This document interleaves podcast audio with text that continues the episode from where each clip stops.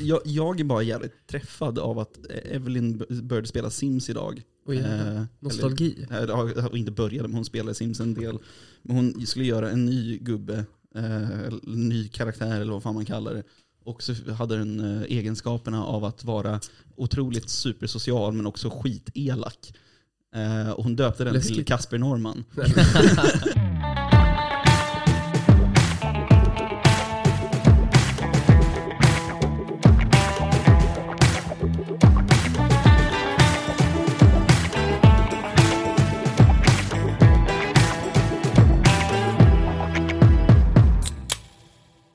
alla som examinerat och nu ska finna ett ämbete kan det vara under en pandemi svårt att hitta ett arbete. Men backa traktorn och lugn i stormen, för all, alla yrken behöver inte följa normen. Ta ett jobb som passar dina tider så slipper du att facket tar dina strider. Du pluggar kanske till ingenjör men känner dig själv numera som en chaufför.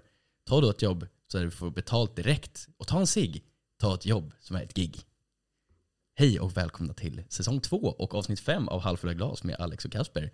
Jag är Alex och med mig har jag Kasper Norman. Jajamän. Och idag har vi även med oss en gäst. Eh, Marcus Wiman, en ambitiös man som jag träffade genom en tremanna snöbollskrig när vi var cirka 12 år gamla. Där ingen var en vinnare. Eh, den enda mannen som inte behöver swisha mig för en öl. Eh, en man som är Lucifer på luta och Gud på gura. Sist men inte minst då är han skaparen av våran jingel. Marcus Wiman, välkommen. Tackar, tackar. Eh, ja, jag, jag är väldigt tacksam för den där introduktionen. Den var ju jättefin. Men jag, jag, jag vill säga att jag minns verkligen inte det där smö, snöbollskriget och att det var första gången. Var Jag, jag minns det ganska tydligt faktiskt. Ja. Eh, det var ju du, jag och en gemensam vän till oss, Ja. Felix. Erikslundsskolan. Ja exakt. Men vi, han dök upp oannonserat med dig till typ min dörr och bara yo, vi ska ha snöbollskrig. Ja. Och jag bara okej. Vadå, under skoltid eller vad det var? Nej, så efter, typ en, Ah. en dag bara på eftermiddagen. Minst. Stod vi på min gata och kastade snöbollar på varandra typ. Och jag satt i Jo, ett, nu eh, kommer jag fan ihåg det. Jag satt i ett rum långt bort och spelade World of Warcraft. Det var det. un, om, ungefär samma tid antar jag. Ja, det låter Mm. som det. Ja. Eh, så jag är inte lika inne på det där. Runt Men- 11 år sedan. Har vi känt varandra i 11 år? Ja, det är helt sjukt. Tiden rullar på alltså. Men det är Wow. klyschigt som det är så är det sant. Ja. tiden går snabbt när man är roligt. Eh, Det är men, inte det vi ska prata om idag. Nej, vi Utan- ska prata om gig. Gig! Gig. Och eh, när Kasper pitchade det här eh, förslaget av ämne till mig så hade jag helt fel uppfattning om vad ett gig var. Eh, så jag, mitt huvud gick direkt då till Marcus, som Ja. är, du är musiker, Ja, det stämmer. spelar med eh, rapparen Max Wassén bland annat. Mm. Även jobbat med eh, artister som Andreas Uniga Mm. och fler. Jag har även eh, del, deltagit eh, i band som Lust och Galej va? Ja, Lust framförallt, just det Pontus Mm. som var gäst hos oss. Eh, stämmer bra. Sångaren. du har även kört med Dancing Lynx, Ja, har du gjort några gånger. ja. Så Marcus har giggat en hel del. Och det var min uppfattning av gig. Tills jag fick go googla in på det här. Ja, för det, det, är ju, det, det är ju egentligen någon slags grunddefinition av gig. Liksom. Sen så, jag vill ju öppna upp det för lite mer allmänt också med det här samhället som vi lever i nu för tiden med gig-ekonomi. Mm. Eh, sen så har inte vi den kunskapen eh, eller kompetensen för att kunna egentligen utvärdera gig-ekonomin som fenomen. Nej. Det känns lite för starkt Ja, att det är göra upp på till- några öl. Det är upp till Pärlerots att... Ja, eller hur? det. Fucking framtidspodden. Um, yeah, f- förlåt, jag sa inte det där. Men ehm, eh, i alla fall, gig-ekonomin tänker jag mer på gig-jobb. Liksom. Mm. Eh, för då, det tar just sin eh, korrelation från gig i musikvärlden. Liksom, med att det är en liknande stil av att eh, you do something, you get paid for it. Liksom. Exakt. Eh, och, Kommer ju från brittiskans ord. ja, Gig liksom. Ja men exakt, och det är ju en väldigt eh, modern och eh, allt mer populär eh, arbetsform. Men också väldigt kritiserad från diverse håll. Liksom. Mm. För du är ju en väldigt duktig musiker, Marcus. Men jag vet också att du har kört gigjobb i den här bemärkelsen också, eller hur? Ja, om du syftar på musik då. Ja, nej, för, för, som sagt, musiken har du, men också att du... Under corona syftar du på eller? Ja, för du har väl kört, eh, vad heter det här? Bist. Bist. Ja, just det. Ja, Du, ja men du har ju kört precis. gig både i den musikaliska Ja. formen och även i den precis. andra moderna formen. För, för mig som tänker som en eh, musikerhjärna så, så är det klart eh, med ordet gig att jag kopplar det direkt till musikrelaterat. Men Mm. man fick ju lite, en liten hint om vad man kunde prepara hjärnan för li- lite innan man kom hit. Så att eh, då bara vart jag nyfiken på om det hade någon annan, ja, betydde nog mer än eh, bara liksom lira musik Mm. inför folk. Och då var det väl ja, extra jobb och så, precis. Så Bust går väl in under gig då. då. Ja. Ja, för det blir ju en lite intressant grej av att eh, det, Uber till exempel är ju ett sånt företag som eh, man associerar med ordet gigjobb nu. Liksom. Mm. Eh, och eh, det är egentligen att de som kör Uber känner ju att de har typ Uber som anställd. Mm. Eller som, vad säger, som företag som anställer dem. Liksom. Men de yrkar ju på att kunden är de som anställer förarna och de egentligen bara är en app som Mm. är mellanhand. Liksom. ja. Typ, vad heter det? Bemanningsbolag ja, då. Så att om, det inte kom, om ingen skulle boka en resa så skulle inte de som kör ha jobb. Exakt, och det är där kritiken kommer med att det inte finns någon säkerhet och så. Liksom. Och typ Foodora stackarna som kör runt och får inga kollektivavtal för de är Just inte det. anställda. Liksom. Ja. Mm. Det är ju problematiskt på så många sätt. Men Mm. det kan också vara väldigt roligt eh, känner jag. Liksom. Jag har gjort några gigjobb i min tid. Liksom. Ja. Mm. Men hela den här BUST-grejen för de som inte har koll på vad BUST innebär, det är ju för det första, då frågade jag efter ett halvår in, jag, jag var extra anställd då på Mm. eh, BUST, det BZZT utropstecken och då, då undrade jag vad, varför heter det det? Och det är tydligen ordet eh, var elektricitet, hur man skulle skriva det skriftligt. Eh, Okej. Så det, det är hela det det kommer ifrån just för att det är eldrivna EU-moppar. Ah. Och eh, för att typ fatta lite mer vad det faktiskt var för typ av jobb så är det ju typ svenska versionen av. Ja, men det är Mm. så här en liten, liten podd. Precis. Taxi. Ja, Och det, poddtaxi, passande. Ja. det, det är väl inget, jag är superstolt över att jag haft som extra jobben. Det var eh, skönt extra knäck liksom. Mm. Alltså ett jobb är ett jobb. Ja. Alltså, Precis. folk som ser ner på andra yrken är lite fåniga. Ja men verkligen. Liksom. mig. Ja. Och sen så är det ju att eh, det är ju väldigt, eh, det, det är ju ett så- sånt ingångsjobb generellt, de här gigjobben. Liksom. Ja. Med att det är generellt inte att man behöver någon speciell utbildningsgrund eller så. Man mer kan hoppa in i det liksom. På gott och Mm. ont såklart. Verkligen. Eh, Ja, men just det som de här gigjobben också använder som verktyg för att liksom få in folk är ju väldigt mycket så här, du jobbar på din egen tid. Så här, du väljer själv när du ska jobba. Mm. Och det finns ju liksom företag som, eh, som har den grejen att säga, ja men du kan jobba när du vill i princip. mm. Det var något jag kollade upp som heter TipTap. Ja. Vad är det då? Som är att då är det, det är en eh, app då också. Mm. Där det är att du, det är en app för att, så de som jobbar med, eller för appen då, eller man ska säga, eh, hämtar upp saker som antingen ska slängas eller ska någon annanstans. All right. Typ om jag ska skicka en låda till dig så kan Ja. jag använda mig av den appen så kommer de hämta den och så skickas den till dig. Och då Okej. är det liksom, fast det är ju fortfarande jag som bestämmer tiden i princip. Eller kommer den, Ja, för TipTap är ju ett sånt företag som också hamnade i en helt annan slags, eh, inte bara kritikerstorm utan eh, la- olaglighetsstorm eller vad fan man ska kalla det. okej de har blivit, alltså hamnat i, Ja, för det var ju att människor började använda TipTap som, eh, för de fraktar ju skit egentligen. Liksom, är väl eh, den, ja, Oh yeah. det, var, ja, nej, det- det, det var mycket dåligt där. Liksom. Och det, det, det, säkert, men det kan jag inte tala för. Liksom. Utan det här var ju snarare... potentiellt knark. För det här var ju något, eh, det här var mer underlig problematik. För det var att människor började använda TipTap för att frakta bort eh, källsorteringsgrejer. Liksom, som typ plastsorteringen och metall och whatever. Liksom. Och då är det ju att staten har liksom, eh, monopol på det här. Liksom. Mm. De är de enda som får göra detta. Alltså, så här, kommunerna är de som är ansvariga för att eh, all källsortering och sånt ska hanteras. Mm. Och det var att eh, de inte har koll på TipTap som företag. Liksom. Så de kan inte veta att de källsorterar det. Liksom. De kanske bara tippar det på i diket. Liksom. Tipptappar är i diket. Ja, exakt. Så, så då var det att de eh, fick sluta göra det och efter det så tankade företaget nästan. Alltså. Det, var ju, det var så många som bara använde det för det. De bara, "Ah, okej, om ni inte kan föra bort skit från mig, liksom, vad fan ska jag använda det Men de för?" finns kvar? jag, tror att de, jag tror att de finns kvar. Mm. Helt ärligt så vet jag inte. För Nej. det, det gick så jävla dåligt efter, de, efter det där. För jag jobbade ju på ett företag förut som heter Result. Liksom, och då, ehm, företaget i sig är inte intressant här egentligen. Utan det var att eh, vi skulle typ ehm, rensa ett kontor. Liksom. Så det var med så här gamla skrivbord och sånt skulle liksom så här tipptappas bort då. Och då var det att jag använde appen för att och då kom någon och hämtade bordet och det var supersmidigt. Liksom. Mm. Och sen fick jag höra bara veckor efter det, liksom, "Jaha, okej det här är olagligt tydligen. Mm. Liksom. Man bara va? Är så här, men varför måste ni göra allting roligt olagligt? Ja. Ja. Men har, för jag och Marcus vet jag har haft gigjobb då. Har du haft någonting sånt? Ja, den, eller så, jag skulle vi kalla det frilans gigjobb, för jag Mm. fotade ju. Men ja, men såklart. Gigjobb kommer ju i många olika former. Liksom. Mm. Eh, Jag har inte haft något sånt här de facto gigjobb på det sättet. Men jag jobbade ju för ett bemanningsföretag. Eh, och helt ärligt så kommer jag inte ens ihåg vad det heter. Men det- jo, eh, ja, ja, okej, jag kommer ihåg tror jag, men jag orkar inte säga det för jag vet inte om jag får. Eh, Men det var i alla fall bara ett traditionellt bemanningsföretag. Mm. Som att typ, ja, men, eh, till exempel hade vi ett jobb där vi var några som skickades ut till en sån här stor lagerlokal i Frihamnen.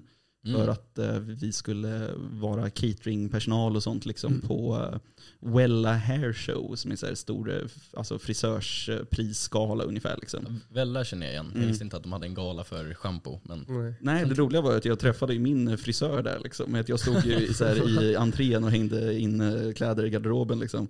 Eh, Och så, så hon bara kom fram till mig helt slumpmässigt. Bara, hej, jag ska bara... Så här, in. Åh, hej Kasper! Liksom. hon bara, "Åh, du, du, du ser ut som att du skulle behöva klippa dig snart.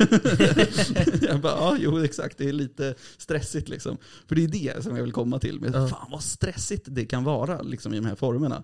För att samtidigt som man ska dit och göra sitt jobb ska man också lära sig hur man gör det generellt. Liksom. Mm. Ja, när jag eh, eh, fick uppleva det på mitt jobb jag har idag. Att eh, då det kom in någon från, jag tror, jag vet inte exakt, men jag tror att det var någonting liknande ryska posten. Mm. Som är då att det är lite samma sak, att det är någon ringer och säger hej jag vill, jag behöver det här paketet hämtat här och sen levererat hit. Mm. Eh, så hade den här personen då kommit fram och bara hej jag skulle hämta den här beställningen liksom, eh, av, eh, av kaffe. Och jag bara ja okej, vi har inte fått den beställningen. Fan. Så jag såg stressen med hans ögon. bara, Okej, jag måste ringa till kunden då och säga att Mm. så det vart liksom problem. Och det var ju en, en eh, ja, semikändis som skulle ha den här beställningen då. Oh, så no. de fick ringa och, bara, och då bara säga, så hör jag lite, för jag pratar med personen i kassan. De bara, om vi pratar med dig. Fick jag ju ta det här samtalet och förklara hela situationen och det var, men jag såg stressen på den här människan och bara så här, fuck, fuck, fuck. Det är någonting lite härligt med att ha en kändis liv i sina händer på även sån trivial grej som bara en beställning av, Ja. alltså i ditt fall Ja. kaffe då. Liksom.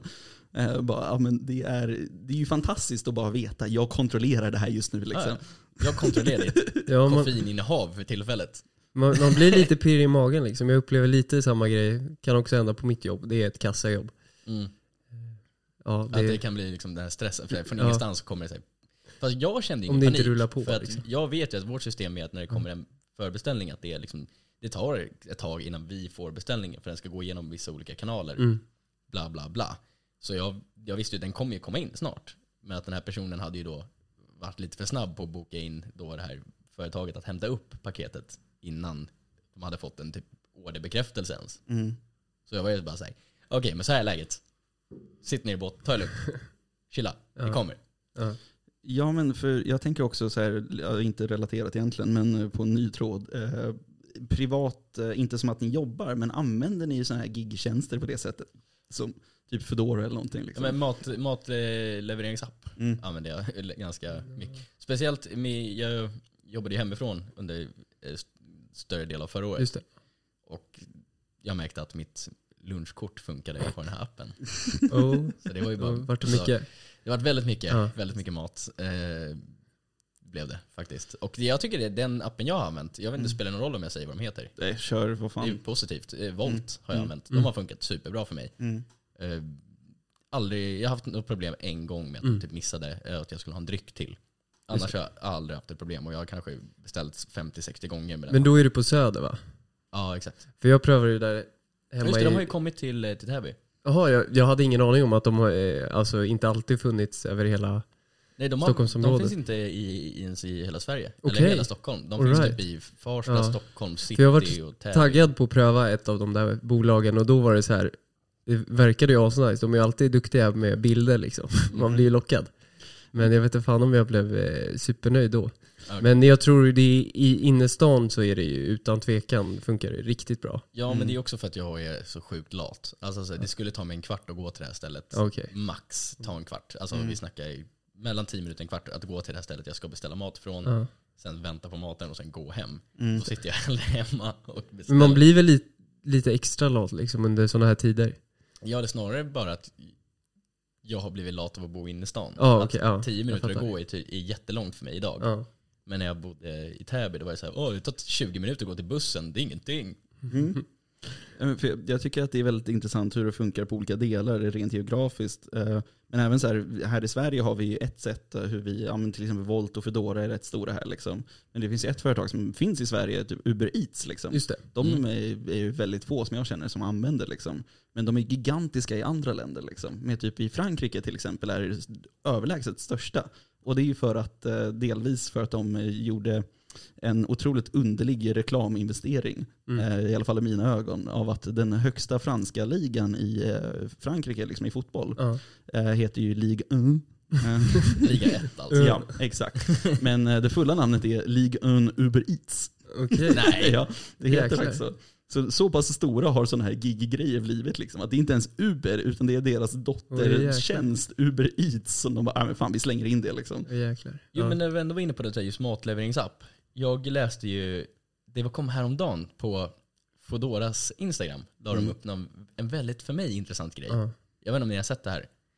De har eh, tagit fram världens första kulleveransrobot. Okej. Så det är alltså, den har fått ett namn, den heter Dora. Med två O. som för- Q-leverans, vad innebär det då? Eh, Det vet jag inte. Nej. Men det är väl antagligen Leverera till dörren? le- leverera mat. Ja, som typ. Amazon-drönarna ungefär. Ja men liksom. lite så, fast det, det är som en liten Ja, just robot med två hjul Mm. som åker runt i Stockholms stad och eh, levererar mat. Och jag tror till dörren, många frågade, de gav inget klart svar på det här på sin Instagram, men det var många frågor om hur gör den i trappor och lägenhetshus? Just Eh, är det liksom någon stöldrisk att någon bara, eller att den, själva roboten blir stulen? Mm. Såg inget svar om det. Men så de har ju börjat ersätta till och med de som kör gigjobsen med robotar. Ja, nej, för det där är ju intressant liksom, hur det går fram och tillbaka med att, eh, alltså det är ju ett helt annat ämne för ett helt annat avsnitt med Mm. det här med automatiseringen och robotiseringen och Verkligen. allting. Liksom. Eh, det är ju ständigt eh, intressant liksom, att se Mm. att vissa branscher kanske blir att ja, arbetare ersätts helt och hållet. Liksom. Men vissa grejer blir ju mer öppet för att de typ tar bort automatisering. För att ja, men, eftersom de här människorna kanske blir lite mer desperata för ett jobb så får Just de det. göra andra sämre jobb liksom, för sämre betalt. Och det är en jävligt snuskig del av jobblivet. Liksom. Mm. Ja. Men eh, det är alltså, helt orelaterat till de här krångliga grejerna liksom, så är det ändå lite häftigt med en robot som vill leverera mat. Ja. Alltså det är objektivt coolt. Ja, men det är ju skitkul att de prövar liksom. Det, det vore ju som en häftig grej och säkert fungerat bra men det finns ju många för och nackdelar med allt. Ja, Om man ska digitalisera, ja, men jag, jag robotalisera eller vad fan man ska Robotalisera, ja det är, det är Ja. bra ord. Jag köper det. Ja, Ja, okej. Ja. Det får vara ett ord nu. Ja. Men jag tänkte även på det just för Bist, Bist som, som du kör. Ja. De blev väl uppköpta av Bolt? Som även då introducerade Bolt Food Alltså, ungefär det, samtidigt. jag hade tänkt att nämna det där men eh, jag tyckte det var kul att lyssna på när ni spann på på era trådar där. Eh, men eh, sista tiden, jag jobbar ju extra knäckar inte där längre. Nej. Eller giggar. Snacka skit om dem hur mycket du vill om det. Nej men eh, sista tiden då, om det var, jo precis det var Bolt. Mm. Då, eh, jag vet inte om de blev uppköpta eller om det var att eh, det skulle kombinera tjänsten liksom att det var en, bara att de eh, hjälpte varandra. Men då skulle man i alla fall få in den här fyrkantiga enorma grejen de har på ryggen, de som cyklar Mm. ut med mat i den här trånga Ja, Eh, poddtaxen, Ja, liksom. precis. Och eh, problemet var att man skulle, nu har de säkert löst det, men de här, jag var ju med på pilotdagarna. Eh, och då, eh, den går ju att vika ihop, men det är otroligt osmidigt liksom, eh, och tar tid att vika ihop den. Så då, och man vill ju inte lägga den i baksätet, för man skulle också kunna ta upp kunder. Det skulle vara så här 50-50 om det är mat det handlar om, eller om det handlar om att plocka upp en kund. Så då liksom, att få in den där i framsätet där man redan, jag som är ganska lång, Mm. sitter liksom och måste huka med nacken. Ja. Eh, det var, jag vet inte hur de hade tänkt där. Eh, Jag har faktiskt ett svar på den frågan. ja. Eh, av det jag har sett i innerstan, de har ställt den här lilla lådan som har På taket eller? taket. Ja, jo. Jag, jag Den- tror också sett det nu när Och jag det. vet inte om den sitter fast på taket eller om de bara har ställt den på taket. För Jag det jag, varje gång de åker i en kurva så tänker jag nu flyger den av. Ja. Nu, nu, någon, Ja, någons ass is grass Det liksom. är därför min hamburgare alltid kommer in i separata delar i lägenheten. Liksom. Det, Jag, vet, så, jag vet inte om den sitter fast med kardborre eller man, jag vet inte hur. Ja, jag tror det är kardborre, för vi, jo det fanns ett sånt fäste. Är det så? Ja. Ja. Så den sitter nog fast. Den sitter fast med kardborre. det låter inte jättesäkert, men Nej. ja, absolut. Det, Men det, det är liksom, de får ta de där eh, lättare lösningarna när det är, det är ju ändå hyfsat eh, nystartat företag som jämt prövar och de har väl inte superstor budget, det är lite så här folkägt också med. Just det, med Ja. må- många investerare och sådär. för jag läste ju på också om en app som finns i USA, som Mm. inte finns i Sverige då. Som eh, ändå är definitionen av gig-ekonomi. Som heter TaskRabbit. All right. Eh, Och TaskRabbit är ju så här, den är väldigt stor som sagt i staterna, men eh, har inte slagit igenom här för vi har lite, de, jag menar, de lever på frihet och dåliga villkor. Vi har krav liksom. på våra arbeten. Ja men exakt, så det skulle aldrig funka här med att det är så mycket problem med skatten och så. Liksom. Men då är det ju egentligen att appen baserar sig i att man har vad som helst som ett uppdrag. Mm. Som typ, jag vill ha någon som klipper mitt gräs. Bara Okej. psh, slänger upp det och bara säger så här mycket är jag villig betala. Så är det någon som trycker på den och bara yes det där gör jag. Liksom. Mm. Så kommer de och klipper gräset. Så det där är ju någonting som, alltså det är så många så här små grejer som jag definitivt skulle kunna tänka mig Ja. att använda det här för. Liksom. Just det.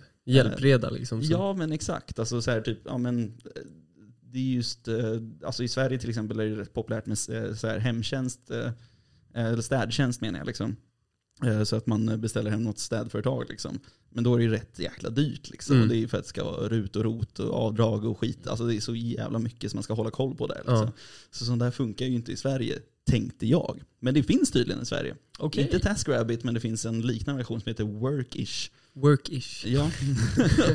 man bara hör direkt på namnet och bara ja, ja, this ain't gonna go Ja, good. lite halvdant jobb liksom. ja men exakt. Jag jobbar typ workish. Ja för det är någon som bara, men jag har stopp i toan liksom. Kan du komma förbi och lösa det för 60 spänn typ liksom. Det är så här, då, Värt. ja. Det, det, jag menar, det är ju jobb på något sätt men Ja. sen samtidigt så, ja, ja, det funkar ju inte riktigt liksom. Men jag undrar när det kommer bli torka på alla appidéer. Jag, det känns som att det jämt finns bara bekvämlighetsappar. You wanna develop an app? Ja. Det är väl li, lite så. Det, det var, alltså, ja det är en bra fråga. Men det var ju också någon som på typ 1700-1800-talet som sa allt som kan uppfinnas har redan blivit uppfunnet. Mm. Och liksom, Så att jag tror att bara man, det är svårt att tänka utanför boxen i sådana här lägen. Att bara säga, ja, jag har ingen ambition av att starta ett appföretag. Så jag tänker väl att bara, ja, Ja, det för är väl det, kört. Alltså det, det där, jag fick väl ändå en parallell som jag kunde verkligen förstå med att jag ställde den här frågan till en kompis som är en rätt duktig apputvecklare. Liksom. Mm. Inte startat eget men arbetat för andra. Liksom.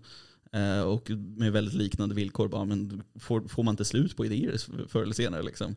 Och parallellen var ju bara, okej, ja, men får man inte slut på musik förr eller senare? Liksom? ja, precis. Bara, hur du? Eh, nej, såklart man inte får. Liksom. Men det är väl i grunden att man först måste hitta liksom ett problem som är ett tillräckligt stort problem för Mm. att eh, Alltså om man snackar verkligen göra patent på en sak. Mm. Mm. Ja, för det är ju också att En uppfinning. Ja men verkligen. Och det är ju ett problem som, eh, alltså problem uppstår ju hela tiden om man säger så. Och saker som man kanske inte skulle karaktärisera som ett problem förut. Det är ju någonting som kan vara problem i dagens samhälle. Där Mm. vi, typ, vi vi blir latare och latare. Liksom. Förut så hade man aldrig behovet av att så här, mat levereras till en större på något sätt. Liksom. Nu pratar jag way back. Liksom, ja. Så här, Mm. eh, Typ. Men Fem år sedan. Exakt, jättelänge sedan. Ja. Och det är det som är sjukt, är att det nästan blir länge sedan teknologiskt sett. Liksom. För fan vad snabbt framåt det går. Liksom. Jo men alltså så här, just staterna, jänkarna, har ju kört alltså, så här, hemleverans på käk sen vadå, 70-tal? Ja, Om inte längre. Mm. Att det, men då hade man ju liksom någon delivery boy eller liksom, som sprang trappor upp och trappor ner. Ja, vad heter filmen 10 minutes or less? Liksom, hela 30, 30 minutes. 30. Ja, men hela den grejen. Att Mm, där, mm. ja, om vi levererar pizza till din dörr, om den inte är framme inom en halvtimme så är den gratis. Liksom. Mm.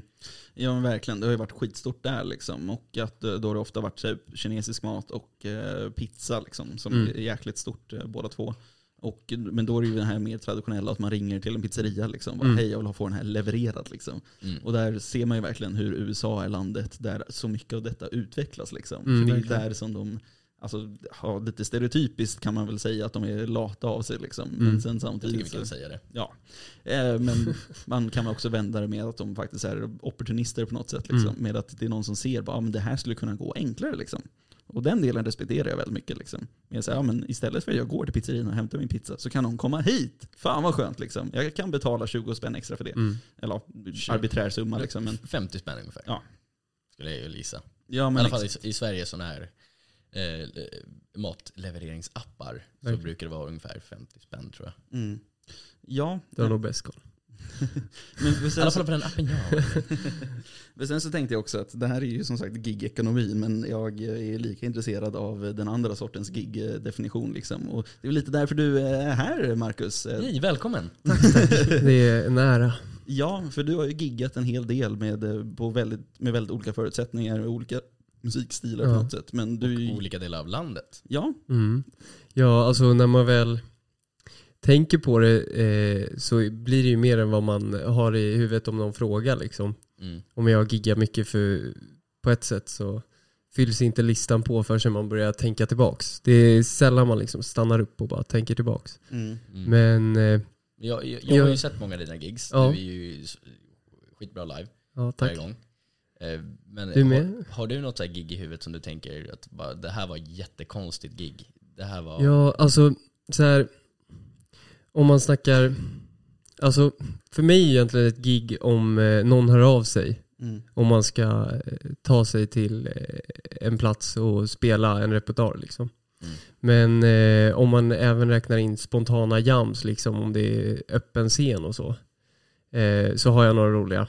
Ja. Eh, då är det, ja, Pontus var med i det här avsnittet för, Ja, för förra Ja. avsnittet Mm. var han va? Ja men Mm. eh, För, för förra. exakt. Fan, Ja. det går snabbt alltså. Ja. ja. Men i alla fall, han, eh, han är ju sångare i mitt band och riktigt grym låtskrivare också. Och eh, vi är väldigt nära kompisar, bästa kompisar. Mm. Eh, och eh, vi var på en tågluff och nu är det svårt med tid när det har varit pandemi men jag tror det blir för förra sommaren. Så körde vi, 2019 måste det ha ja varit. precis, Interrail genom Europa. Och då var det ju stoppet i Amsterdam. Där var ju, det var ju en, eh, ja det är en ganska rolig story. Då kom vi fram eh, trötta med våra ryggsäckar på, går av i station och hittar vårt hostel som, ja det är typ ett slumområde. Det, är- det är lite så här uh, oklart. Mm. Eh, ja, man kommer till en ny plats, man känner in stämningen liksom. Och sen eh, går vi in till reception och det ser lite, lite sunkigare ut än på Hostel World som man brukar använda sig av när man kollar in hostels. Ja. Eh, och eh, sen så får vi nyckeln till vårt rum som är högst upp. Det är en jättelång trappa upp liksom. Och så är, sitter några danskar där inne. Och det blir ju de vi hänger med under eh, Amsterdam-tiden. Vi spenderade ungefär tre dagar per, per stad. Mm. Vart det. Men eh, så vi snackar med dem, de sitter, sitter och dricker bärs och vi är skittrötta och bara jag är ju som vanligt skittaggad när det är, jag vet att det är en stad som har mycket musik. Att jag vill bara sticka ut på stan och kolla om man hör någon musik eller så. Men det blir att Pontus tror jag var lite tröttare och kände bara, ja men vi tar något nära. Och jag bara, ja men fine. Och sen så visade det sig att det första vi går förbi är musik. Och då blir det så här självklart, bara fan vi går in och så tar vi någon öl och så står vi där och känner in. Och eh, jag tror ju inte att det är så här, eh, vad heter det, open, Open mic. open mic fast för musiker Ja. Mm. eh, öppen scen liksom. Men då spelar de där asgroovy covers liksom på Mm. låtar. Och lite eget, Mm. som det låter som. Men eh, det som händer då är att eh, de som inte vet vad en gitarr är, är en blandning mellan Ah. en gitarr och ett ja, synt mer än ett keyboard. Mm. Eh, så att man har gitarrhalsen som har som de här Guitar Hero Mm. Och sen i höger hand eh, så har man ett piano. Det är väldigt 80-tal Ja, instrument. Liksom. Verkligen. Och då är det någon kille som har spelat på den och så ställer han den på sitt stativ på scen som står vid kanten och sen går han ner. Mm. Och det är ju det är mycket mer loose liksom än i Sverige med vad, vad folk, eller okej på alla barer är det väldigt loose, folk är ju påverkade liksom. Men det som händer då är att eh, när vi står där framme och bara diggar det är fett bra groove så stöter sångan till gitarren. Eh, och den bara faller handlöst, den har inga händer men den faller. och jag bara står och håller en öl men utan att tänka med bara re- ren reaktion så bara fångar den och alla bara ser mig där, liksom, vid scen och bara börjar storjubla liksom. Så ställer jag tillbaks den och sen så bara blir man skittaggad på musiken för det liksom, ja det känns lite filmiskt liksom. att- Musiken kom i handen och du Ja. bara nu, ja. Precis, men då, eh, sen så går den här sången ner och så bara frågar jag eh, om det finns möjlighet att gå upp och lira liksom. Och han bara, äh, alltså det, det är säkert många som frågar liksom och eh, folk inte riktigt har koll. Men sen blir, slutar det i alla fall med att jag och Pontus då går upp från att kom, komma sent på kvällen till Amsterdam och träffa några danskar på ett hostelrum, att vi går upp på scen och så river vi av Valerie. Ah. Och det, ja, det, det kändes jävligt fett. Bara, alltså, när man inte är beredd på något och det liksom slutar väldigt bra och eh, ja, det var bland grymmaste nätterna.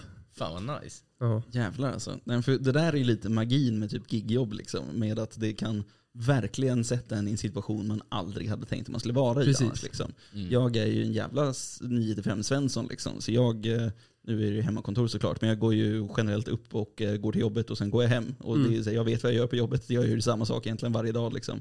Men gigjobb är ju verkligen väldigt mycket mer dynamiskt liksom. mm. Så att sådana här grejer, det här är ju mer av som sagt gig liksom, så ni spelar för nöjes skull. Liksom. Men även när det är liksom mer jobbaktigt liksom, Ja. så kan det bli väldigt intressanta som sagt, stories som det här. Liksom. verkligen. Ja. Så det är ju superhärligt. Liksom. ja, men alltså det är ju egentligen inte riktigt ett gig-gig för mig. Det är väl typ egentligen bara en natt som slutar mycket bättre än vad man kan föreställa sig liksom. Ja. När man kommer Mm. till en stad man har velat till. Men alltså annars tycker jag det är jäkligt fett och eh, eh, på Max konserter då rappar jag och spelar med eh, Max, Wassén. Ja, eh, han, det är ju det är väldigt vanligt nu för tiden att man har något som heter backtracks. Eller Mm. backing tracks. Eh, det heter mer backtracks. Det är liksom egentligen en del av den riktiga låten man har utan sången på för att kunna dra ner på musiker. Just för att Mm. det är en pengafråga. Ja, men och just i hiphop-världen så är det, det är svårt att stå, Ja. ha någon som står med trummaskin Ja. live liksom. Precis, och jag, jag får då som gitarristen, eh, ja, jag är egentligen, ja, det, det finns eh, Becka är en eh, tjej som också sjunger Just det, Eh, hon mer- var med ja. på det giget vi var på och kollade. Mm. Eller? Ja, på Seven. på Seven, Ja. precis. Men så att det är jag på gitarr och Becka på sång och eh, Max på, På mick. eh, på mick. Och sen så finns eh, det en till med i gänget som heter Theodor och eh, Theo. Och han kör, han är, han är hype man kallar vi. Okej, ja. Men eh, det, det roliga där är att jag får verkligen en egen plats. Det är ofta liksom, av en slump så har det funnits liksom en egen, ett eget ställe att stå på. Mm. Mm. Så då blir det, alltså det blir fokus på något annat sätt. Även fast liksom i grund som gitarrist så ska man alltid backa upp sångaren. Vilket inte riktigt blir när man har backtracks. Då blir man mer en del av showen. Men att man får en egen platå blir extra, extra liksom kryddat på det. Mm. Så det blir dels att man vill show off ännu mer. Eh, ja, och att det blir, det, det är jävligt spännande och annorlunda. Mer osvenska gig skulle jag säga. ja. Att det inte bara är Mm.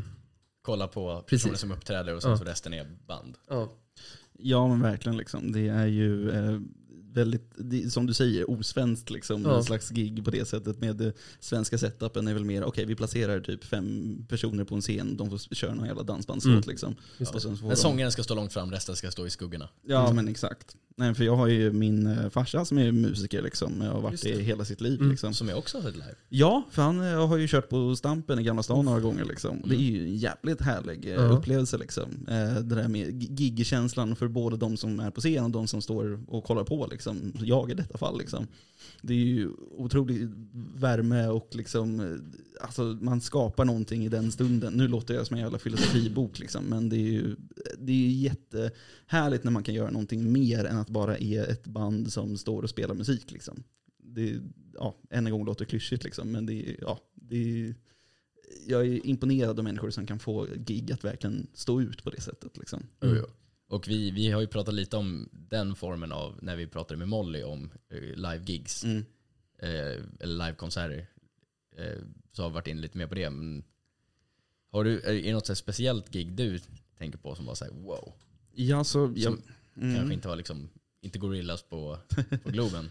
Ja, nej, för jag, jag tycker om eh, bland, alltså det här eh, gamla Pet Sounds som tyvärr inte finns med oss längre. Just det. Eh, för jag hade ju en intressant gigupplevelse på det sättet som eh, åskådare.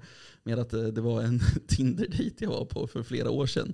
Okej. Eh, och då så skulle vi eh, träffas där och vi skulle egentligen in på en bar precis på andra sidan gatan. Liksom. Men där var det helt proppfullt. Eh, Så då föreslår hon att vi går på den här Pet Sounds. Jag var jätteglad med det förslaget. Liksom. Eh, Men då är det att de har en övervåning och en undervåning. Övervåningen är ju bara liksom bar. eh, Men sen så undervåningen är ju liksom eh, konsertställe. Liksom. Eh, Och då var det att vi stack in där på baren och sen så bara direkt såg vi att några skulle spela. Liksom. Så då går vi ner i källaren. Liksom. Betal, betalar väl vad fan det var, 100 spänn för att Mm. se fem olika band. Liksom. Och det blev ju en ja, otroligt intressant grej att vi kom ner dit och vi hade inte knappt hunnit prata med varandra. Liksom. Nej. Eh, och direkt så körde de igång med giggen. Liksom. Eh, alla, alltså så här, det var en kväll där det var tre stycken så här, riktigt scream metal band. Liksom. Ja, det, det, det brukar vara ganska mycket sån repertoar där. Ja, och det var verkligen så sjukt. För som sagt, vi hade ju inte hunnit prata med varandra. Och så att vi stod ju där i princip som två främlingar och lyssnade på den här musiken som ingen av oss verkade tycka om riktigt. Det, ja. Men sen så kom det ett fjärde band på scen som var lite mer eh, klassiskt eh, brittisk rock på något Just sätt. Lite Oasis-stil på något sätt. Liksom. Ja, lite britpop. Ja, exakt. Britpop är ordet jag letar efter. Och de var superbra verkligen. Liksom. Mm. Och så, så stod jag och var helt uppfångad av det där. Liksom. Det. Och sen så hade jag lite glömt efter de gick av scenen. Just det, jag är ju på en dejt liksom. Oh shit. så, Ja, musiken påverkar en alltså. ja, verkligen. Sen så det där blev ett väldigt awkward avslut med att vi kramades och aldrig hördes igen. Liksom. Men Ja. eh, Men det är ju bra story, bra minne liksom. ja, Låter, låter som alla mina dejter. Nej men det, det är kul att du nämner just PSB. Mm. För eh, den, den enda erfarenhet av, av gigjobb så som Mm. jag har är ju liksom att, att fota. Mm. Det är du jäkligt duktig på. Tack så mycket, tack. Eh, just för den här perioden var jag inte det. Okej. Eh, utan det var ju att jag, jag, jag pluggade ju media i Mm. gymnasiet, men så var det att jag hade fått en kamera i studentpresent. Och den har jag kvar, den är fantastisk, jag älskar den kameran. Ingen får Mm. låna den. Någonsin. Eh, eh, men så var det att jag då arbetslös efter studenten, det jag hade var liksom en kamera och typ ett eh, SL-kort. mm. Tänkte, okej, jag eh, går och letar fotojobb i princip. För jag visste inte hur man skulle ta sig fram med det här. Mm. Så jag åkte då till PSB, eh, visste att det var en hundring i dörren och då fick man ju även hänga in jackan och man Mm. fick en drinkbiljett. Men då åkte du dit själv? Jag åkte dit själv. Okej. Och tänkte jag ska fota lite band och förhoppningsvis så säger de ah, jag såg att du fotade, eh, här är pengar. Typ trodde jag, för ja. jag är väldigt naiv. ny- Men, ny- men på ett sätt är det rätt, men den hårda vägen att gå. Alltså, Mm. så är ju grunden hela grejen med gig egentligen. Alltså det, det gäller bara att vara där jämt. Ja, ja. Så fort någon, alltså det börjar ju med att få efterfrågan liksom.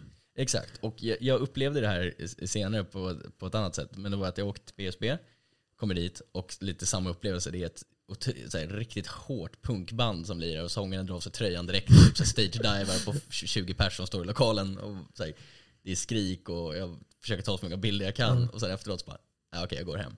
Eller jag åker hem, liksom, en timme hem. Mm. Så gjorde jag samma. Då hade jag fått nys om eh, Big Ben stand-up på Folkungagatan. Mm. Oh. Eh, och visste Jag att de hade, gratis, de hade gratis stand-up under sommaren. Mm. Typ varje tisdag och torsdag och, och lördag eller någonting. Ja. Jag var ju där varje kväll, gratis. Det Mm. behövde inte betala någonting. Satt där med min kamera, drack vatten i princip. Kanske hade råd att köpa en öl. Och så satt jag och fotade alla komiker. Och då var det till slut en komiker som kom fram. Fan jag såg att du fotade. här." Thanos. Thanos Fotas. Hoho. Eh, fantastisk komiker Fota fotas. Ja, Ja, jag fotade Fotas. Det var jättemånga skämt om det av min farsa. Ja, jag kan tänka mig. ja jäklar. Eh, Vad han, hände då, med... då, han kom ju faktiskt fram då, så ah, jag såg att du fotade, så har du, har du lust att skicka bilderna liksom? Jag bara, ah, absolut. Så fick han hans mail och han bara, du jag ska köra här, eh, om några veckor igen. Fan vill du komma förbi och fota lite då också? Mm. Jag bara, ah lätt. Nämnde inte någonting om pengar för jag var liksom 18, hade ingen aning om hur världen fungerade. Jag tänkte, "Ah, det här är min chans! För Mm. han kommer berätta för sina polare. Och så kommer jag få massa fotojobb och då kan jag börja ta pengar. Det händer ju inte. Men För hur många gånger eh, alltså, men- hängde du på? Tre gånger Ja kanske. ja men det är ändå tillräckligt. Men grejen var att mitt naiva unga jag tänkte ju att alla som var vuxna och som inte bodde på gatan hade pengar. Jag hade ingen aning om att komikern inte hade ett öre till övers. Ja, för du, Speciellt inte på Big Ben där de inte typ får pröjs heller. Men samtidigt är det ett CV liksom. Eh, Ja. det, det finns ju kvar på nätet. Ja, och jag tror att faktiskt att till denna dag har jag aldrig fått betalt för någonting jag har fotat. Även när det kommer till, jag har ju fotat mest dig bland annat, Marcus, eh, och polare och deras gigs. Mm. Eh, Men när jag har fotat personer jag inte känner så har jag aldrig bett om pengar. Nej. Vilket är jättedumt. ja, du har ju fått betalt för att fota en annan komiker på Big Ben. Ja, ja, du är den enda, Kasper. Ja, just det fan. Den, du är den enda som har betalat mig för foton. ja. Ja, Det för, är lite sjukt. ja, för jag körde ju på både Big Ben och så körde jag på Power som numera tyvärr är nedlagt. Men, eh, och då var, du både filmade och fotade. Ja, på Power filmade jag. Mm. Vart ligger Power? För, eh, vad, vad heter För- Big, Big Ben ligger ju där på Söder. Exakt, och Big Ben är ju en egen, alltså det är ju en pub, det är ju ett eget institut, eh, etablissemang, whatever liksom. Men sen så Power är ju en klubb som var i för källaren på Broder Tuck, på, längre- långt ner på Götgatan mot eh. Skanstull. Spelat på båda ställen. Ja, Just det, det har du. Jag var där båda. Mm. Ja, Har du spelat på Big Ben? Nej förresten inte Big Ben. Ja, den blandade jag ihop. Det är ingen musik. PSB har du Geo. Ja. men för det är, Men de har bytt namn. Nej, de har stängt. De har stängt. Som allt, eh, nu ska jag Allt. inte gå in på en rant här, men eh, kultursverige dör människor. mm. Eh, sluta klaga på att det finns liv i stan. Jag bor i stan, det är högljutt. Ja! Det är fakta! Sluta! Det är också, finns ett avsnitt för det säkert. Ja, men, eh, jag, jag har så mycket åsikter. men det känns som att du är på väg att klaga. Ja, Det känns som att jag vill hellre klaga, för jag tror att jag är bättre på det. jag tror att du är bättre på att klaga. Ja, Så jag tror att det är dags för... Oh, oh, oh. 911, what's your emergency?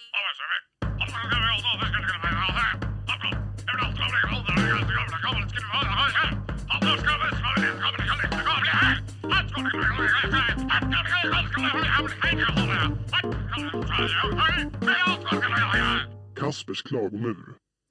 Ja, mina vänner. Vi lever i 2021. Människor kan bygga hus, designa intrikata digitala mjukvarulösningar för exempelvis gigjobb, lösa topologiska problem i kollektivtrafiksplanering och många andra avancerade uppgifter. Det är ett paradoxalt förhållande mellan dessa kompetenser av olika typer som människor besitter och faktumet att människor inte kan bete sig i den jävla centralstationen. Här kommer en tydligen nödvändig etikettguide för de som vill undvika en toffel i röven nästa gång jag träffar på något av följande fenomen innan jag hunnit svepa min första morgonkaffe. Superbra tips eh, när man springer bland stora folkmassor är att rikta blicken i samma riktning istället för 90 grader åt godtyckligt håll. Fyra av fem tandläkare bekräftar detta och jag sköt en femte. Eh, tips nummer två. Eh, på ett liknande spår så ser man människor av alla åldrar, kön och etnicitet rusa framåt likt tjurarna i Pamplonas Encierro med blickarna fastlimmade på den senaste nivån i Candy Crush. Det kan vänta tills du hoppat på tåget. Om inte har du nog utvecklat ett absurt och oerhört skämmigt beroende. Testa kokain istället, det kanske gör dig intressant i alla fall. Tips nummer tre. Lös den här logiska ekvationen.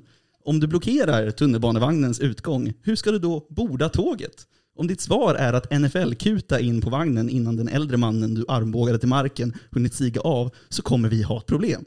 Det känns, i alla fall för mig, logiskt att låta människor stiga av innan man går på. Efter att jag sköt den tidigare, närma, den tidigare nämnda tandläkaren har jag utvecklat en blodtörst, så det är bäst för dig om du också tycker att det är logiskt. Rulltrappor är mitt fjärde tips. Mitt namn må också vara namnet på den minst rulltrappstäta västerländska staden belägen i Wyoming, men till och med jag fattar hur de funkar. Man står på höger sida, man går på vänster sida. Om du vill bli slukad av Malin Persson Giolitos senaste verk är du på väldigt välkommen att göra det på höger sida. Nummer fem, barn. Kan ni växa upp snabbare? Det skulle vara otroligt fint. Eller möjligtvis springa sträckan Odenplanslussen, då ni ändå verkar ha för mycket spring i benen för transportmedel med begränsat utrymme. Ett eller båda alternativ funkar för mig. Annars kan jag rekommendera ett helt annat transportmedel, förslagsvis godtycklig vit skåpbil rattad av en erotisk fritzeleskman från Tullinge med hockeyfrilla. Sist men absolut inte minst, jag måste ta tillfället i akt att skicka ut en dödsönskan. Den går ut till dig som kanske trivs bra i din solipsistiska bubbla och ett skamlöst eh, Förlåt, jag tappade bort mig. Solipsistiska. Jävlar vilket ord. Eh, och i alla fall, om du går runt i den här bubblan och skamlöst forcerar dig ut ur tåget likt ett deformerat bowlingklot. När du väl lämnat tunnelbanevagnen med bara 7 cm marginal, så helt sonika parkerar du dig där som en slags mänsklig och svettig imitation av järnridån. Du slår upp ett hobbytält, lägger ut din ärvda picknickfilt och korkar upp din medtagna termos med nyponsoppa. Och först när du har hittat Orions bälte i T-centralens tak så bestämmer du dig för vart du ska ta vägen. Du vet den där M. Night Shyamalan-filmen då alla bara typ spontandör? Liksom bara existerar och sen slutar göra det. Gör det nu. Livet är så enkelt egentligen. Vi gör det bara komplicerat för oss själva. Det kan vara värt att ta denna tirad med en nypa salt, men just nu överväger jag att införskaffa kemiska vapen att släppa ut på tub 1 i hopp om att avskräcka rakvattensnarkomaner och tracksuit-tonåringar från att använda samma transportmedel som jag gör. 911, what's your emergency?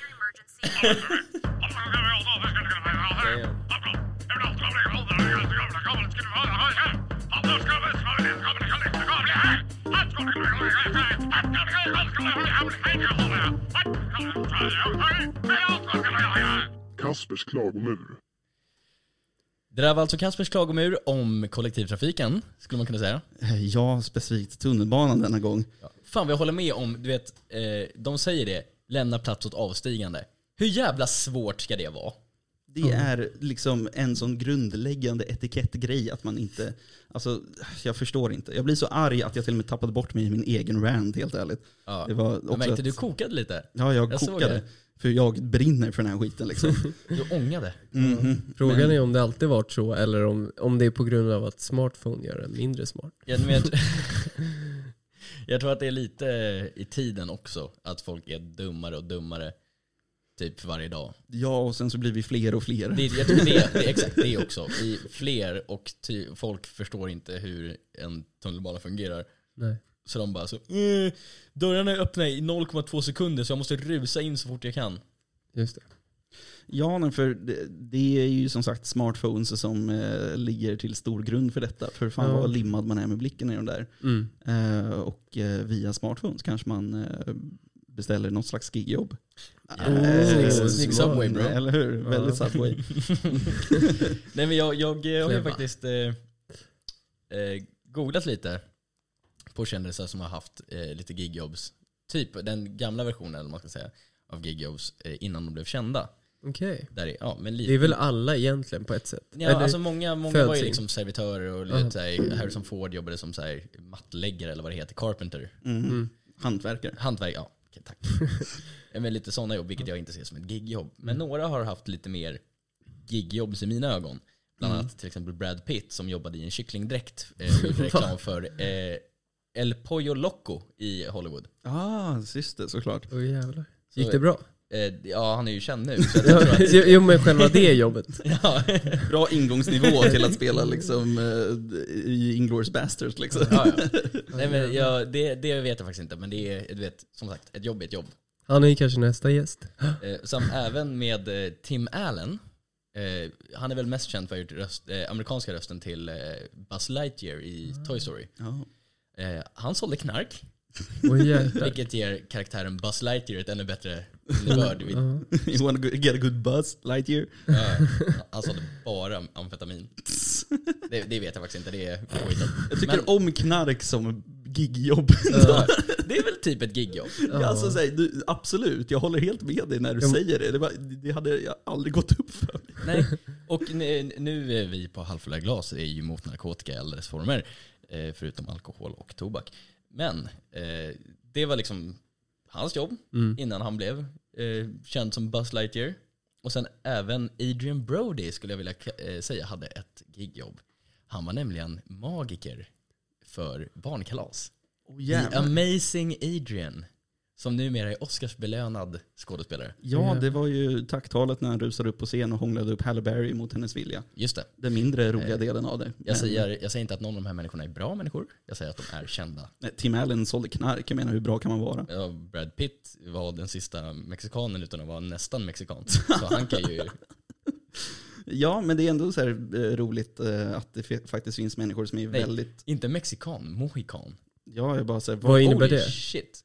Jag ber om ursäkt till alla. Vad- Är det någon blandning? Nej, Last of the Mohicans, sista mohikanen. Eh, Det vet jag faktiskt inte exakt vad det är. Jag bara sa jättefel helt Mm. plötsligt. Okej. Vi går förbi det. Ja. Ja, det var en Dave Chappelle-sketch som jag såg häromdagen som faktiskt fick mig att tänka på det. Mm. Eh, så skyll på Dave Chappelle, Ja, som alla andra. ja, men det är ju roligt just att det finns något eh, humaniserande bara i allmänhet om eh, de här framgångsrika personerna som har haft eh, väldigt enkla jobb till att börja med. Men Just gigjobb är ju verkligen, som sagt, Brad Pitt i kycklingkostymen. Mm. Det hade man ju velat se nu liksom. Ja, ja. Eh, han gjorde något liknande faktiskt som en sketch med, med Jackass vet jag. Mm. Men då hade han en gorillakostym på och så kidnappade de, de nej, det var att alla andra hade en gorillakostym på sig och så kidnappade de Brad Pitt. Mm. Men sen så var han, hade han också en gorillakostym och skatade med Jackass-gänget runt 2004-ish. Mycket gorillakostym. Ja, mycket kostymer på Det är framgång kanske Brad Pitt. Mm. i den där. Ja, man kanske borde jobba i direkt oftare. Ja. Ja, men jag känner att så här, några år kommer vi säkert sitta här och prata om den här gången när eh, den gigantiska Marcus Wiman var här och berättade om hur han åkte poddtaxi. Men nu giggar med eh, på de största arenorna. I liksom. direkt. Det är därför jag sa i introt I kycklingdräkt. men det är därför jag sa i introt att han är, han är left shark. Det är därför jag sa i din introduktion där att du är den enda som slipper swisha för öl. Kommer du ihåg den? Ja, jo, jag kommer ihåg. Det var ju anledningen ju för att Mm. min eh, rättfärdighet av det var att vår kompis Adrian hade ju sagt Varför slipper han swisha för öl? Vad är det här?" Och jag har sagt för att när Marcus spelar på Wembley sen så förväntar jag mig fribiljetter. Självfallet. Ja, nej, men, Jag tänker hålla dig till det. Ja. Annars, annars kommer jag be dig swisha. Nej, men jag swishar allt nu. Vad, vad ska du ha? Oj, carte blanche. Åh jäklar, det är, notan är lång nu alltså. Ja, jag har sparat alla kvitton. Du var beredd alltså. för just det här. B-planen. Men eh, ja, Ja, exakt. Eh, Jag eh, har egentligen inte mycket mer än statistik kvar. Eh, Med Ja. att eh, jag hade bara tänkt ta upp att ungefär 2% av eh, vuxna människor i Sverige just nu jobbar med gigjobb. Och att eh, ungefär 10% av vuxna i Sverige just nu har eh, någon gång jobbat med gigjobb. Oj. Mm. Så det är ändå en tiondel liksom. Mm. Det är rätt stort, vill jag ändå säga. Ja, jag har ingen statistik, men jag har ju en hyfsat intressant historia som är ganska färsk. Mm. Som är angående en Uber-chaufför i San Francisco i USA. All Eh, right. Jag vet inte om ni har hört om det här, men han blev då, eh, nu kommer jag använda lite amerikanska termer för jag tänker inte direkt översätta dem till svenska, Ja. men assaulted Mm. av en kvinna som, det var, det var tre, tre kvinnor som åkte i den här bilen. Mm. Eh, och under rådande omständigheter så hade den här personen då bett om att använda mask i bilen. Vilket två gjorde. Under Men- coronatid alltså? under, coronatider, ja. exakt, under pandemitider. Så chauffören hade bett om att ha en mask på sig när de åker i bilen. That's it. Eh, ena hade då, som jag förstått, vägrat och, bara säga, och då hade han sagt ut i bilen. Så han hade stängt av resan bara säga get out liksom. Mm. Och då hade de varit mitt på en väg. Och de hade bara, vi kommer inte hoppa av mitt på vägen, är du galen? Liksom, Mm. Han hade sagt ut ur bilen, du har ingen mask, du är otrevlig. Då hade de blivit, då hade hon då eh, hostat frivilligt på den här chauffören. och, som en galning. Eh, slitit av hans mask och försökt ta hans telefon. Eh, och det här har blivit en rättegång i USA. Mm. Eh, eh, kvinnan i fråga är ju gripen för ja, assault Mm. och eh, chemical assault tror jag det var de kallade det när hon hostade på honom. Det är ganska ny, ett nytt fenomen. Mm. Att hosta på någon har blivit tydligen livshotande. Ja, det, var ju någon galning som gick runt i Uppsala och hostade på människor eh, bara på något jävla torg där liksom. Jäklar. som, de visste inte riktigt, för de bara, du gör ju någonting fel. Ja. Det här är ju jättedåligt. Sen så Mm. bara, hur fan åtalar vi dig för det här? Ja. Så här du, jag menar, förut om man gick runt och hostade på människor så var det väl typ att eh, du suger, men vad fan ska vi göra liksom? Så här, vi kan ge dig en örfil ungefär liksom. Exakt, men nu så är det potentiellt livshotande. Mm. Därmed vart det här en mycket Mm. större grej. Eh, kvinnan i fråga har även, det har eh, kommit ut en video till där hon har gjort något liknande på en chaufför i, på Hawaii. Mm. Eh, inte hostandet men att de hade liksom varit, Samma tjej? samma tjej eh, har då liksom trakasserat en chaufför i, på Hawaii. Hon vill bli känd alltså? Ja, eller hon, jag, jag har gjort lite research på hennes Ja. eh, Instagram. Hon Intressant. startade ett nytt Instagramkonto bara för allt hat. Mm. Eh, hon försvarar ju sig själv med The att? Eh, den här Girl. chauffören då hade ju fått nog och bara säga ut ur bilen eller så kör jag hem. Jag kommer köra hem oavsett Mm. om ni är kvar i bilen eller inte. Då är det här påstått kidnappning när han börjar köra iväg. Mm. Eh, och hon då försvara mig att jag tänker inte hoppa ut på bilvägen. Eh, vi kan bli påkörda, liksom, det är farligt för oss. Mm. Och eftersom att det här är fortfarande är pågående rättegång, eller det har inte blivit rättegång än, men eftersom att det är pågående eh, an, eh, åkla, åh, vad heter det? anklagelser fram och tillbaka, Mm. så tänker inte jag yttra mig vem som har rätt eller fel. Men eh, då, eh, det, har, det har i alla fall startats en eh, Kickstarter för Uber-chauffören som heter Subhakar eh, Kadkas.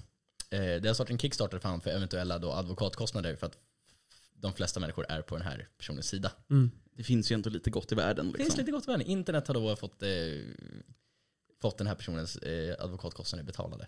Men Ja. det, det här hade ju inte hänt i Sverige känns det som. Så här pådrag liksom. Som du säger med han i Uppsala eller vad det Mm. var, på torget. Mm. Det är så här, här måste man ha månader och tänka igenom när det kommer nya problem liksom. Ja, alltså vi kan snacka skit om USA hur många gånger vi vill. Ja. Eh, det här känns som en väldigt amerikansk grej. Ja. Mm. Att, eh, om, om jag skulle be dig att ta på dig en grytvante när du ska ta ut en plåt ur ugnen och du vägrar och sen Ja. bränner dig och så är det mitt fel.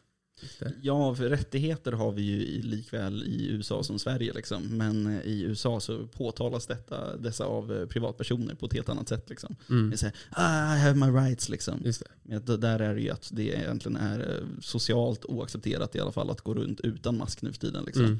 Och då fan, ta på dig en mask för guds skull. Liksom. Mm. Ja, och det var, jag, jag vill inte diskutera den, den grejen så mycket, men liksom snarare att liksom man är sådana här gigjobb så, så är man, som vi pratade om lite tidigare, att man har inte så mycket Säkerhet. säkerhet. Nej, alltså det är ju verkligen, alltså på något sätt är det ju ett mer attraktivt jobb om man börjar liksom drömma, vad, vad, vad vill man jobba med liksom? Mm.